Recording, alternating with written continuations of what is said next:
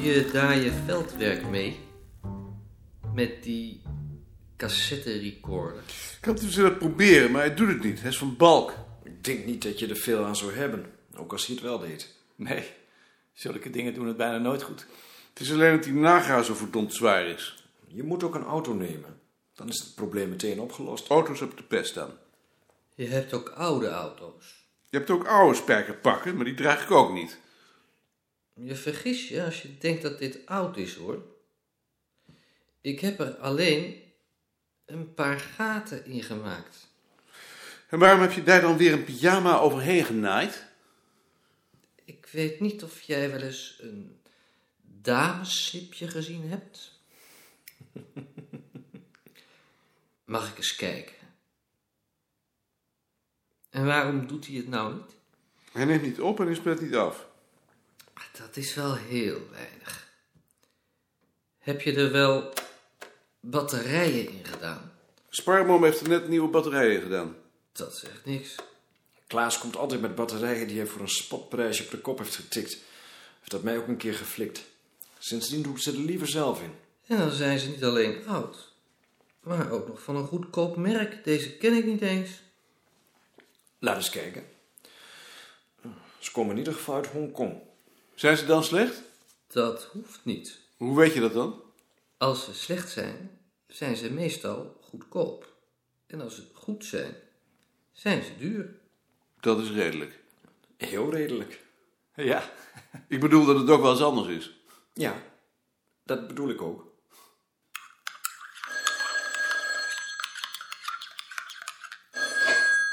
Met het bureau. Een ogenblikje. Eigenlijk is het een belazerd systeem. Het zou veel handiger zijn als je zo'n ding kan opwinden. Zoals een koffergrammofoon. Je hebt ook cadmiumcellen. Die hoef je niet te vervangen, die moet je alleen bijladen. Waarom gebruik je die dan niet? Dat weet ik niet. Misschien omdat er ook wel eens een dode cel tussen zit. Dat is nog vervelender dan het kopen van een paar nieuwe batterijen. Het zijn wel heel gemene dingen. Dat wel. Ik bedoel batterijen. Ja, batterijen. Ik heb er wel eens een in een zaklantaarn laten zitten. En toen ik hem aanpakte, begonnen mijn handen weg te branden. Maar je hebt ze nog. Omdat ik hem op tijd losliet. Het is heel gemeen spul. Maar als ik nou iets lichters wil dan een nagra, wat moet ik dan nemen? Een Sony. Hoe weet je dat? Volgens de consumentengids. Staat er ook wel eens iets over stofzuigers in de consumentengids? Wij moeten een nieuwe stofzuiger hebben. Jawel. Ik weet het niet zeker, maar ik dacht een Miele. Ik wil het wel voor je nakijken. Graag. Ja,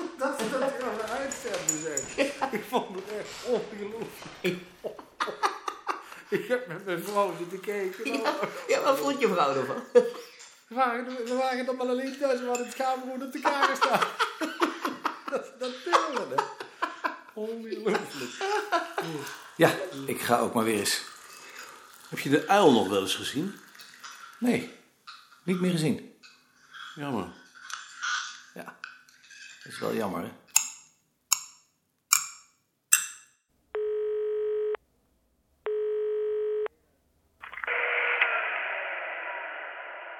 Met mevrouw Koning. Ha, Oh, dag. Ben je daar? Jaring heeft de consumentengids. En die zegt dat een Miele de beste is. Hij zal het voor me opzoeken. Maar ik wil helemaal geen Miele. Ik wil een Holland Electro. En als een Miele nou beter is? Daar heb ik niks mee te maken. Ik heb altijd een Holland Electro gehad en daar ben ik tevreden over. En als hij nou beter zuigt? Dat hoef ik hem nog niet. Ik wil een gewone stofzuiger. Ik ben geen super deluxe vrouwtje. Dat mocht je zo langzamerhand toch wel weten. Hoor je me? Ik wil niet dat je er met anderen over praat.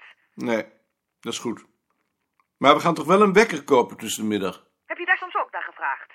Nee, daar heb ik niet naar gevraagd. Goed. Hoe laat?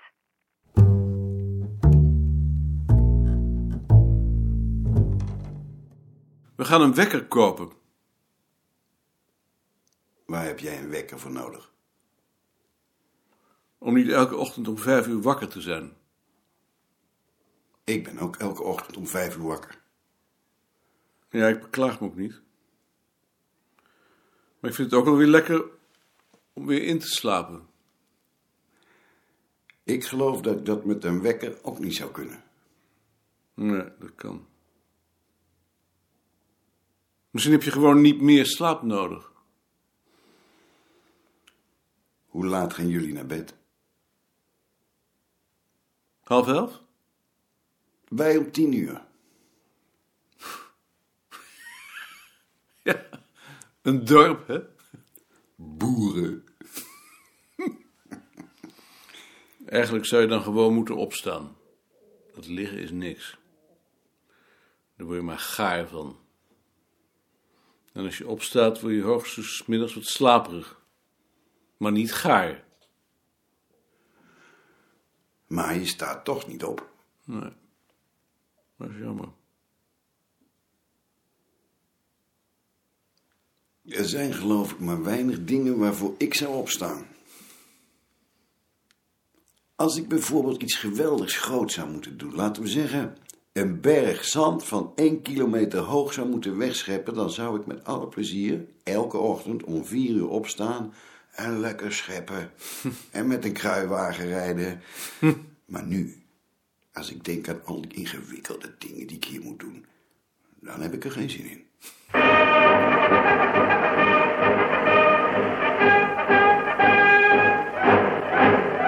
Der Feind will bedrohen unsere Flanken. Nun stoßen durch Fels und Verhauen. Je hebt gelezen dat Van der Ven is overleden? Ja? Jij ook niet, Bart?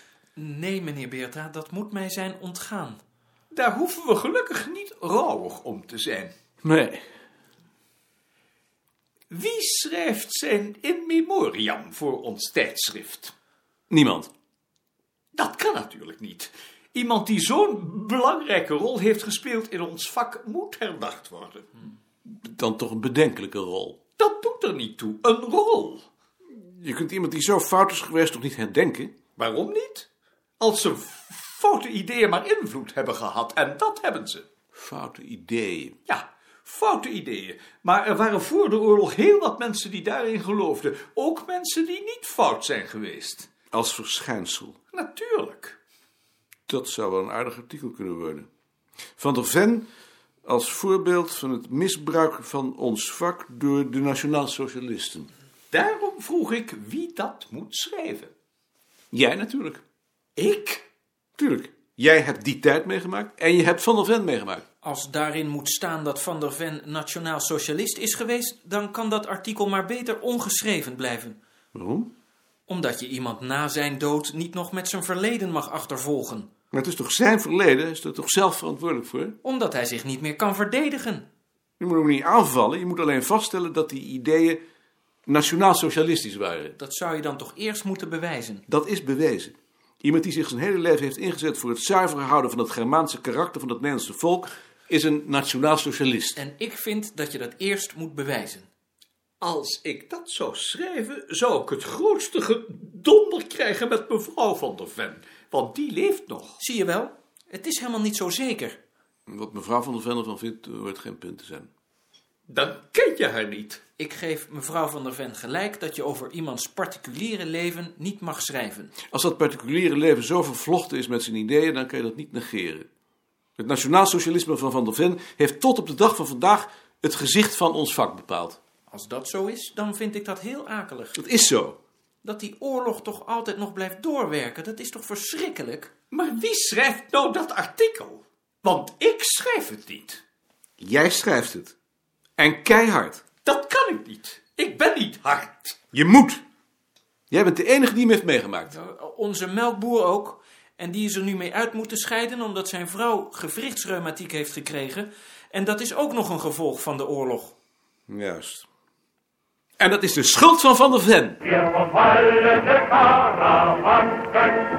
Finden das zusammen und laut. Wir stürmen dem Sieger entgegen. Säubern Europas Haus. Tot morgen. Tot morgen, Alt. Ik maak dit even af. Over twee weken ben je met vakantie. Ik wou dat het al zover was. Des te meer plezier heb je ervan. Hoewel, hoe langer je hierop verheugt, hoe gauwer het om is. Eigenlijk zou het zo moeten zijn dat er na drie weken pas anderhalve week om was. Kun je proberen. Je schrijft ons na drie weken. Er is pas anderhalve week om. Hoe gaat het met jullie? Met mij gaat het goed. Jullie zullen denken dat ik gek geworden ben. Dat is het risico. In dat geval kom je terug op Schiphol en daar staan ze dan, de mannen in de zwarte pakken met knopen met een doodshoofdje erop en dan meteen in de houtgreep. Dan helpt het niet meer of je om je moeder roept. Het enige wat je nog kunt doen is een formulier tekenen dat ze je in een inrichting moeten stoppen. Maar je vakantie nemen ze je niet meer af. Dag meneer de Vries, tot morgen. Dag meneer, dank u wel. Jij bent op de fiets?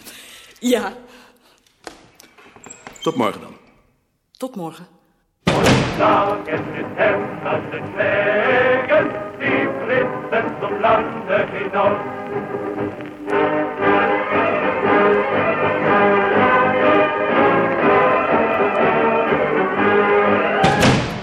Hij droomde dat het gebouw waarin hij zat opgesloten bezet was. Hij bevond zich in een van de bovenste vleugels. Een onoverzichtelijk labyrint van gangen met kleine cellen. Van die onoverzichtelijkheid probeerde hij gebruik te maken om aan de bezetters te ontkomen. Vanuit de gang waar hij zich bevond, zag hij door de ramen hoe aan de andere kant van de binnenplaats een gang werd leeggehaald. Sommigen werden door de ramen op de binnenplaats gegooid, anderen werden afgevoerd. Daarna was het weer een tijd stil. De Duitsers hadden hun belangstelling verloren of ze waren elders bezig, of de weg kwijtgeraakt. Hij zocht dekking tegen een zwarte deur, onderuitgezakt, zodat zijn hoofd niet voor het bovenlicht kwam en vanuit de gang aan de overkant zichtbaar zou zijn. Tegelijk was hij zich bewust van de afgrond beneden hem en wist hij ook dat hij daar onvermijdelijk terecht zou komen, bovenop de mensen die voor hem naar beneden waren gegooid en samen met hen zou wegzakken in het moeras, als er niet snel redding kwam. Das Oberkommando der Wehrmacht gibt bekannt. Im Osten wird schon an mehreren Stellen um die etwa 100 Kilometer vor Moskau verlaufende äußere Verteidigungslinie der sowjetischen Hauptstadt gekämpft.